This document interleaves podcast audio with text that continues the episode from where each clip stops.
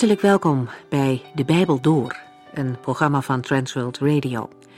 De Bijbel Door is een radioserie die u in vijf jaar meeneemt door de hele Bijbel. Van Genesis 1 tot Openbaring 22.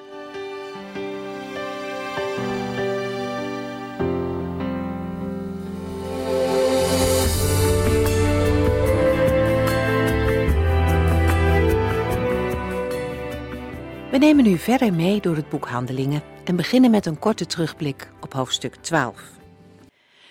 In Handelingen wordt steeds duidelijker dat het volgen van Christus niet een leven van gemak en voorspoed betekent.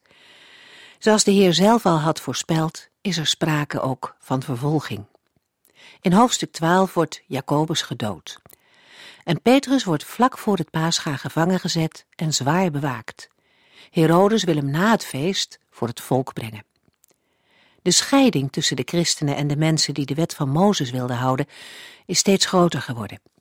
Herodes maakt daar gebruik van en wil Petrus op die manier terecht laten staan. Ten koste van de christenen wil hij zijn populariteit onder het volk vergroten. Maar hij heeft geen rekening gehouden met de macht van God. De gemeente bidt intensief voor Petrus. En die ligt intussen rustig te slapen, omdat zijn vertrouwen op God over de grens van de dood heen gaat. Er komt een engel van God om hem te bevrijden. En pas als hij weer op straat staat, heeft Petrus in de gaten dat dit geen visioen is, maar dat het allemaal echt gebeurt. Als hij bij de gemeente aanklopt, gaat de deur niet meteen open, want ook daar kan men nauwelijks geloven dat de gebeden echt verhoord zijn. Ze wisten dat God het kon, maar dat hij het echt zou doen, verrast hen geweldig. Bidden in geloof is vertrouwen dat God het kan doen en de uitkomst aan Hem overlaten. In dit hoofdstuk wordt de ene apostel gedood en de andere bevrijd uit de gevangenis. Maar de beide mannen wisten gelukkig dat hun echte leven voor eeuwig veilig was in Gods hand. De dood heeft niet langer het laatste woord, want Jezus heeft de dood overwonnen.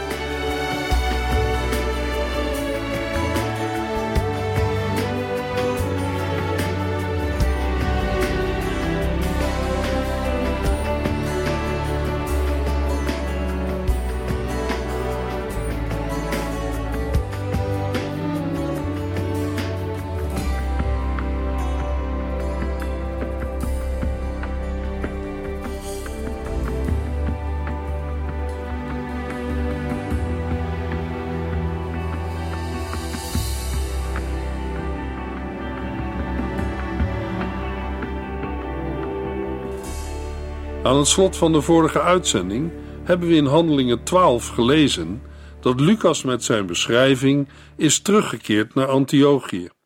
Barnabas en Saulus hadden de gift aan de christenen in Jeruzalem overhandigd en waren weer teruggegaan naar de stad.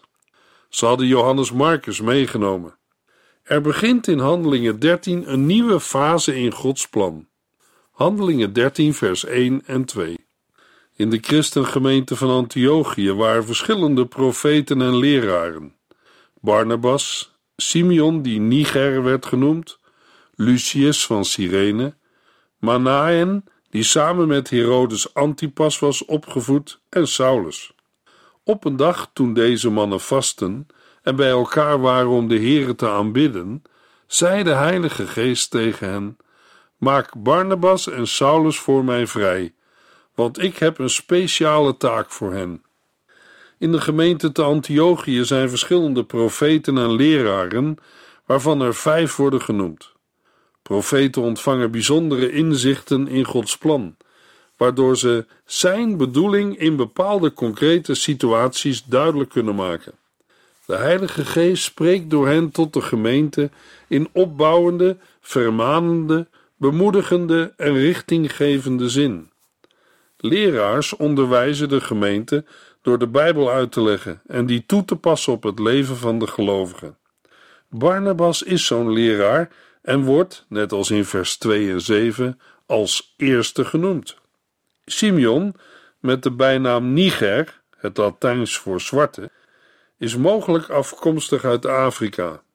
Lucius komt uit Cyrene, een landstreek in Libië.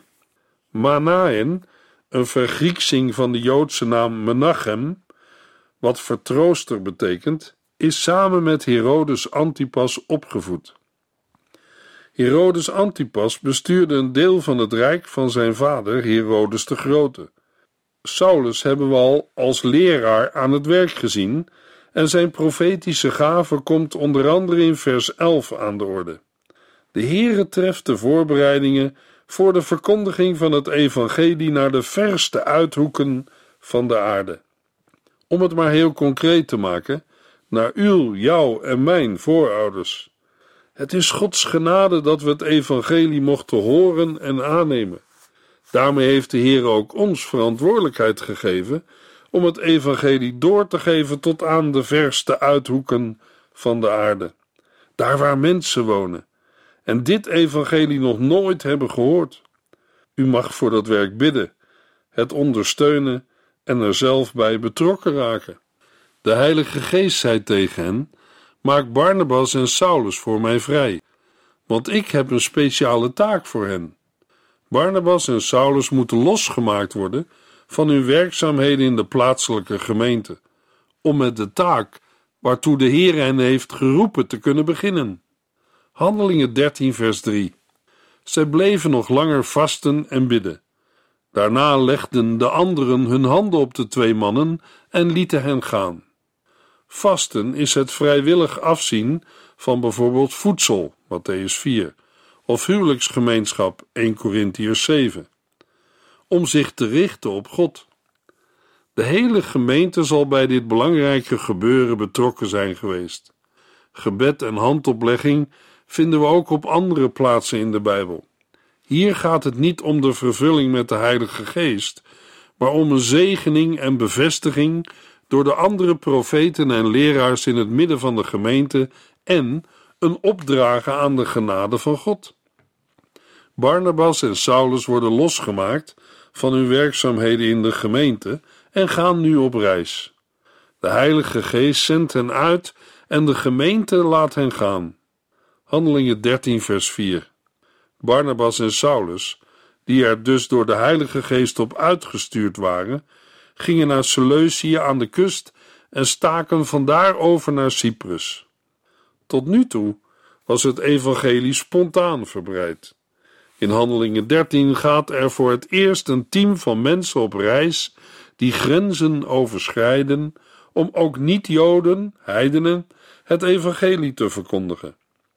Barnabas en Saulus worden uitgezonden, maar het werkterrein is niet aangegeven. De Heilige Geest heeft laten weten dat zij moeten gaan, maar niet waarheen. De keus valt op Cyprus. Daarbij zullen zowel het ervaren van leiding door de Heilige Geest als ook menselijk overleg een rol hebben gespeeld. Barnabas is afkomstig van Cyprus en weet er de weg. Het eiland Cyprus stond onder Romeins bestuur. Het evangelie was er al eerder gebracht, maar alleen aan Joden, Handelingen 11. Handelingen 13, vers 5. In het havenstadje Salamis spraken zij in verschillende synagogen over Jezus Christus. Johannes Marcus was met hem meegegaan om te helpen. De afstand van Seleucië naar Cyprus is ongeveer 100 kilometer. Barnabas en Saulus komen in de aan de oostkust gelegen hoofdstad Salamis aan. Daar wonen veel Joden. Tijdens de zendingsreizen wordt de synagoge altijd als eerste bezocht. Een verklaring daarvoor geeft Paulus in Romeinen 1, vers 16. In de synagogen kwamen niet alleen Joden, maar ook Jodengenoten en Godvrezende mensen, die open stonden voor de boodschap van het Evangelie. Aan het eind van vers 5 vermeldt Lucas dat ook Johannes, bijgenaamd Marcus, de neef van Barnabas, is meegegaan. Handelingen 13, vers 6 tot en met 8. Ze trokken het hele eiland door en kwamen tenslotte in Paphos, aan de westkust. Daar ontmoetten zij een Joodse tovenaar die beweerde dat hij een profeet was. Hij heette Bar Jezus, maar hij werd ook wel Elimas genoemd, dat betekent tovenaar, en was bevriend met Sergius Paulus, de gouverneur van het eiland, een wijs man. De gouverneur riep Barnabas en Saulus bij zich, omdat hij wilde horen wat zij over Jezus Christus te zeggen hadden. Elimas was daar fel tegen gekant en probeerde de gouverneur van het geloof af te houden. Barnabas en Saulus trekken het eiland over in westelijke richting en komen in de havenstad Paphos. Paphos is ook de residentie van de Romeinse proconsul of gouverneur.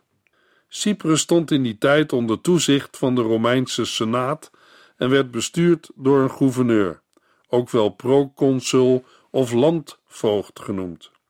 De gouverneur van het eiland heet Sergius Paulus en is bevriend met Bar Jezus. Sergius Paulus komt sympathiek over en doet denken aan de Romeinse centurio uit Handelingen 10. Als bestuurder wil hij op de hoogte zijn van wat er zich op het eiland afspeelt. Hij heeft van Barnabas en Saulus gehoord en hij roept hen bij zich, omdat hij wilde horen wat zij over Jezus Christus te zeggen hadden. Bij de gouverneur ontmoeten ze een zekere Bar Jezus, zoon van Jezus of Jozua. Hij is fel gekant tegen de verkondiging van het evangelie en probeert de gouverneur van het geloof af te houden. Handelingen 13, vers 9 en 10. Saulus, die ook Paulus heette, was vol van de Heilige Geest, keek Elimas recht in de ogen en zei: Wat bent u een gemeen en listig heerschap! U bent de vijand van alles wat goed is, zoon van de duivel. Houdt u nooit op de woorden van de Heere te verdraaien? Saulus wordt vanaf vers 9 met een andere naam genoemd. Saul is zijn Hebreeuwse naam. Net als koning Saul, 1 Samuel 9, komt hij uit de stam van Benjamin. Romeinen 11 en Filippenzen 3. Paulus is zijn Romeinse naam en betekent de kleine. Of dat op zijn lichaamslengte slaat, wordt niet vermeld. De Romeinse naam Paulus, die hij als Romeins burger vanaf zijn geboorte zal hebben gehad, komt nu naar voren, omdat de apostel de heidenwereld binnentrekt. Met een paar uitzonderingen gebruikt Lucas in het vervolg uitsluitend de Romeinse naam Paulus. In zijn brieven doet de apostel hetzelfde. Tot dusver is Barnabas steeds als eerste genoemd, wat wijst op zijn leiderschap. Nu verandert dat. Paulus wordt door de Heilige Geest op de voorgrond geschoven. Paulus was vol van de Heilige Geest en keek Elimas recht in de ogen. Paulus wordt op een bijzondere manier geïnspireerd door de Heilige Geest, met het oog op de opdracht die volgt in vers 10 en 11. Er is een heilige verontwaardiging bij Paulus. Hij zegt tegen Elimas: Nu geeft God u uw verdiende loon. U zult blind worden en het zal lang duren voordat u de zon weer kunt zien. Op hetzelfde moment kwam er een waas voor de ogen van Elimas en even later zag hij niets meer. Hij liep tastend rond op zoek naar iemand die hem kon leiden. Handelingen 13, vers 11. Het is opvallend dat een soortgelijke blindheid Paulus zelf overviel toen hij zich verzette tegen het plan van God. Bij Paulus leidde dit tot inkeer en bezinning. Handelingen 13, vers 12. Toen de gouverneur dat zag, kwam hij tot geloof in de Heer Jezus Christus. Hij was diep onder de indruk van zijn leer. In het leven van Elimas is het donker, maar in het leven van de gouverneur, Sergius Paulus, wordt het licht. Handelingen 13, vers 13. Paulus en zijn metgezellen verlieten Pavos en gingen per boot naar Perge in Pamphylië. Johannes Marcus reisde niet verder met hem mee, maar ging vandaar naar Jeruzalem terug. In Perge verlaat Johannes Marcus Paulus en zijn metgezellen en keert terug naar Jeruzalem. Uit Handelingen 15 blijkt dat Paulus hierover is teleurgesteld. De gebeurtenis wordt de aanleiding voor de verwijdering tussen Paulus en Barnabas. Later is Johannes Marcus voor Paulus en ook voor Petrus van veel nut geweest. 2 Timotheus 4 en 1 Petrus 5. Handelingen 13, vers 14 en 15.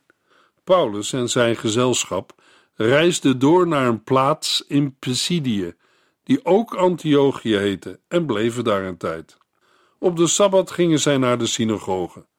Nadat er uit de boeken van Mozes en de profeten was voorgelezen, lieten de leiders van de synagoge de gasten vragen of een van hen misschien iets bemoedigends tegen de mensen zou willen zeggen. Naar zijn gewoonte gaat Paulus op de sabbat naar de synagoge. Daar krijgt hij een unieke kans om het evangelie te verkondigen. Handelingen 13, vers 16 tot en met 20. Paulus stond op en wenkte om stilte. Mannen van Israël, en u die ontzag voor God hebt, weet wel dat de God van Israël onze voorouders heeft uitgekozen om zijn volk te zijn. Toen zij als vreemdelingen in Egypte woonden, maakte hij het volk groot en machtig. Met geweldige wonderen leidde hij hen uit dat land. Hij verdroeg hun grillen tijdens de veertig jaar dat ze in de woestijn rondzwierven. Nadat hij de zeven volken die in Canaan woonden had uitgeroeid, gaf hij het land aan de Israëlieten. Daarna gaf hij hun telkens weer nieuwe leiders, 450 jaar lang, tot de profeet Samuel. Paulus doet hetzelfde als Stefanus voor het Sanhedrin. Hij vertelt de geschiedenis van het volk Israël aan de hand van een aantal hoofdmomenten. De tijdsaanduiding 450 jaar roept vragen op. In de Statenvertaling wordt deze 450 jaar opgevat als de periode van de richters. Alle regeerjaren van de richters bij elkaar opgeteld, inclusief die van Eli en Samuel, zou dan zo'n 450 jaar bedragen. De variantentekst betrekt de 450 jaar op de in vers 17 tot en met 19 genoemde periode. Het ziet dan op 400 jaar slavernij in Egypte, 40 jaar reizen door de woestijn en 10 jaar verovering van het land Canaan tot de verdeling van het land. Handelingen 13, vers 21 tot en met 23. Toen wilden zij een koning hebben. God gaf hun Saul, de zoon van Kis, een man uit de stam van Benjamin. Maar na veertig jaar zette God hem af en gaf hun een nieuwe koning, David. Ik heb David, de zoon van Isaï, gevonden, zei hij, een man naar mijn hart, die altijd zal doen wat ik hem vraag. Een van Davids nakomelingen, Jezus, is de redder die door God aan Israël beloofd was. Als onderdeel van de geschiedenis van Israël stelt Paulus hen een nakomeling van David voor, Jezus, de redder die door de Heer aan Israël is beloofd. In zijn komst wordt Gods doel met zijn volk bereikt. In het Nieuwe Testament heet de Heer Jezus dan ook vaak Zoon van David. Handelingen 13, vers 24 tot en met 26. Voordat Jezus in het openbaar optrad, riep Johannes de Doper het volk van Israël op tot bekering, die door een doop in water gevolgd moest worden. Aan het einde van zijn levensweg zei Johannes: U denkt toch niet dat ik de Christus ben? Nee, hij komt na mij. Ik ben het zelfs niet waard zijn sandalen los te maken. Broeders, afstammelingen van Abraham, en u die ontzag voor God hebt, wij hebben het nieuws ontvangen dat er redding is door Jezus Christus. Het optreden van de Heer Jezus onder zijn volk is voorafgegaan door een voorloper, Johannes, bijgenaamd de Doper. Hij bereidde de weg door als een heraut de komst van de Heer Jezus aan te kondigen en de mensen op te roepen zich te bekeren. Johannes wijst ook op zijn ondergeschiktheid aan Jezus als hij zegt: Ik ben het zelfs niet waard zijn sandalen los te maken, wat normaal de taak was van een slaaf. Handelingen 13, vers 27 en 28. De Joden van Jeruzalem en hun leiders hebben hem niet erkend, hoewel zij zich realiseerden dat hij het was over wie elke sabbat in de synagoge wordt voorgelezen. Door hem te doden hebben zij de profetieën in vervulling doen gaan. Hoewel zij geen geldige aanklacht konden vinden om hem ter dood te veroordelen, hebben zij Pilatus toch gevraagd hem om te brengen. Dat Paulus en Barnabas het woord van redding in Antiochië verkondigen, is omdat de Joden van Jeruzalem Jezus hebben afgewezen. Als Paulus de geschiedenis van Israël vertelt, wijst hij op de vervulling van oud-testamentische profetieën. Handelingen 13, vers 29 tot en met 31. Toen alles gebeurd was wat er over hem in de boeken staat, hebben zij hem van het kruis gehaald en in een graf gelegd. Maar God heeft hem weer levend gemaakt. In de dagen daarna is hij vele malen gezien door de mannen en vrouwen die met hem uit Galilea naar Jeruzalem waren gekomen. Die zijn nu zijn getuigen. Zij vertellen iedereen wat zij van hem weten. Paulus geeft een korte samenvatting van wat er met Jezus is gebeurd. Hij benadrukt sterk de rol van wat mensen hebben gedaan, om in vers 30 te zeggen: Maar God heeft hem weer levend gemaakt. Paulus verkondigt dezelfde boodschap als Petrus: de dood en opstanding van Jezus Christus. Dat Jezus werkelijk leeft, wordt benadrukt als Paulus zegt dat Jezus is verschenen aan mensen die hem voor zijn sterven hebben gekend. 1 Corinthians 15. Handelingen 13, vers 32 en 33. Wij brengen u het goede nieuws dat de belofte die God lang geleden aan onze voorouders heeft gedaan, in onze tijd werkelijkheid is geworden. God heeft die belofte vervuld door Jezus weer levend te maken. Dat komt overeen met wat in de tweede psalm staat: Jij bent mijn zoon, ik heb je vandaag het leven gegeven. Met een drietal citaten uit het Oude Testament laat Paulus zien dat de opstanding van Jezus Christus de vervulling is van wat de Heer heeft voorzegd en beloofd. De eerste aanhaling is uit Psalm 2. De psalm zingt de Messiaanse koning die afgewezen wordt door de volken en hun leiders. Handelingen 13, vers 34 tot en met 39. Dat God hem weer levend heeft gemaakt en hem nooit meer zal laten sterven, klopt met wat er in de boeken staat. Ik zal voor u de geweldige dingen doen die ik David heb beloofd. In een van de andere psalmen staat het weer anders. God, u zult het lichaam van uw heilige dienaar niet laten vergaan. Die woorden hebben geen betrekking op David, want nadat die de mensen van zijn tijd volgens de wil van God had gediend, is hij gestorven. Hij is bij zijn voorouders begraven en zijn lichaam is vergaan. Maar het lichaam van Jezus, die door God weer levend is gemaakt, is niet vergaan. Broeders, luister. Deze Jezus laat u weten dat uw zonden kunnen worden vergeven. Ieder die in hem gelooft, wordt bevrijd van alle schuld en komt daardoor met God in het reine. Iets dat men nooit bereikt door zich aan de wet van Mozes te houden. Nu Jezus is opgewekt, zal hij nooit meer sterven of tot ontbinding in een graf overgaan.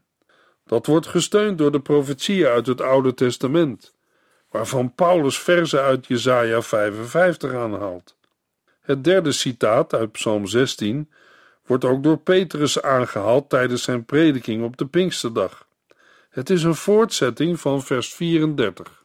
In Psalm 16 bezingt David hoe de Heer hem voor de poorten van de dood heeft weggehaald. Hoewel hij zelf op dat moment bewaard bleef voor het graf, is hij op een later tijdstip toch gestorven. Maar bij Jezus was dat anders. Hij stierf, maar werd bewaard in het graf. En na zijn opwekking uit de doden zal hij nooit meer sterven en zijn lichaam zal nooit meer vergaan. Voor de Heer Jezus werd de dood als een moederschoot die hem niet kon vasthouden. Handelingen 2. Hij werd de eerstgeborene uit de doden. In vers 38 begint het laatste gedeelte van Paulus' prediking in de synagoge van Antiochië. De tijd van onwetendheid is voorbij. De toehoorders zijn nu verantwoordelijk voor alles wat ze hebben gehoord. Zij kunnen door middel van Jezus Christus, dat wil zeggen, vanwege zijn dood, opstanding en verheerlijking, zijn vergeving persoonlijk ontvangen. Handelingen 13, vers 40 en 41. Wijs dit niet meteen af. Wees voorzichtig, anders zou op u van toepassing kunnen zijn wat een van de profeten heeft gezegd. Ja, kijk maar verbaasd, jullie spotters, verdwijn uit mijn ogen, want ik ga tijdens uw leven iets doen wat u niet zou geloven als het werd verteld. Lucas eindigt zijn weergave van Paulus' prediking in de synagoge van Antiochië met een vermaning. De hoorders moet niet overkomen wat met name door de profeet Habakkuk in Habakkuk 1 vers 5 is gezegd. Handelingen 13 vers 42 tot en met 45. Toen Paulus en Barnabas de synagoge verlieten, werd hun gevraagd de volgende sabbat terug te komen en weer over Jezus te spreken. Na de bijeenkomst liepen veel Joden en andere vereerders van God met hen mee. Paulus en Barnabas spoorden hen aan te blijven vertrouwen op de genade van God. De volgende sabbat liep bijna de hele stad te hoop om te horen wat er over Jezus Christus zou worden gezegd. De Joodse leiders werden kwaad, omdat Paulus en Barnabas zo in de belangstelling stonden. Ze waren erg jaloers en spraken Paulus met grove taal fel tegen. De Joden gaan in tegen hetgeen door Paulus is gezegd. Er is sprake van grove taal, laster, kwaadspreken, beledigen. Wat de grove taal is, wordt niet duidelijk. In de versen 46 tot en met 52 lezen we dat het evangelie eerst wordt gepredikt aan de Joden, maar zij verwerpen het. Dan brengen de apostelen het goede nieuws van Jezus Christus aan de niet-Joden. Zij ontvangen het met blijdschap. Dat was tegen de zin van de Joodse leiders en zij ontketenen een vervolging. Maar het werk van God in Antiochië is ondanks deze vervolging en de uitwijzing van Paulus en Barnabas niet te stoppen. In de stad zijn veel mensen, voornamelijk niet-Joden, tot geloof gekomen. Bij hen is geen sprake van ontmoediging, maar juist van blijdschap. Handelingen 13, vers 52. Maar de blijdschap van de christenen in de stad werd er niet minder door. Integendeel, de Heilige Geest vervulde hun hele wezen. In de volgende uitzending lezen we in Handelingen 14 verder over het zendingswerk van Paulus en Barnabas.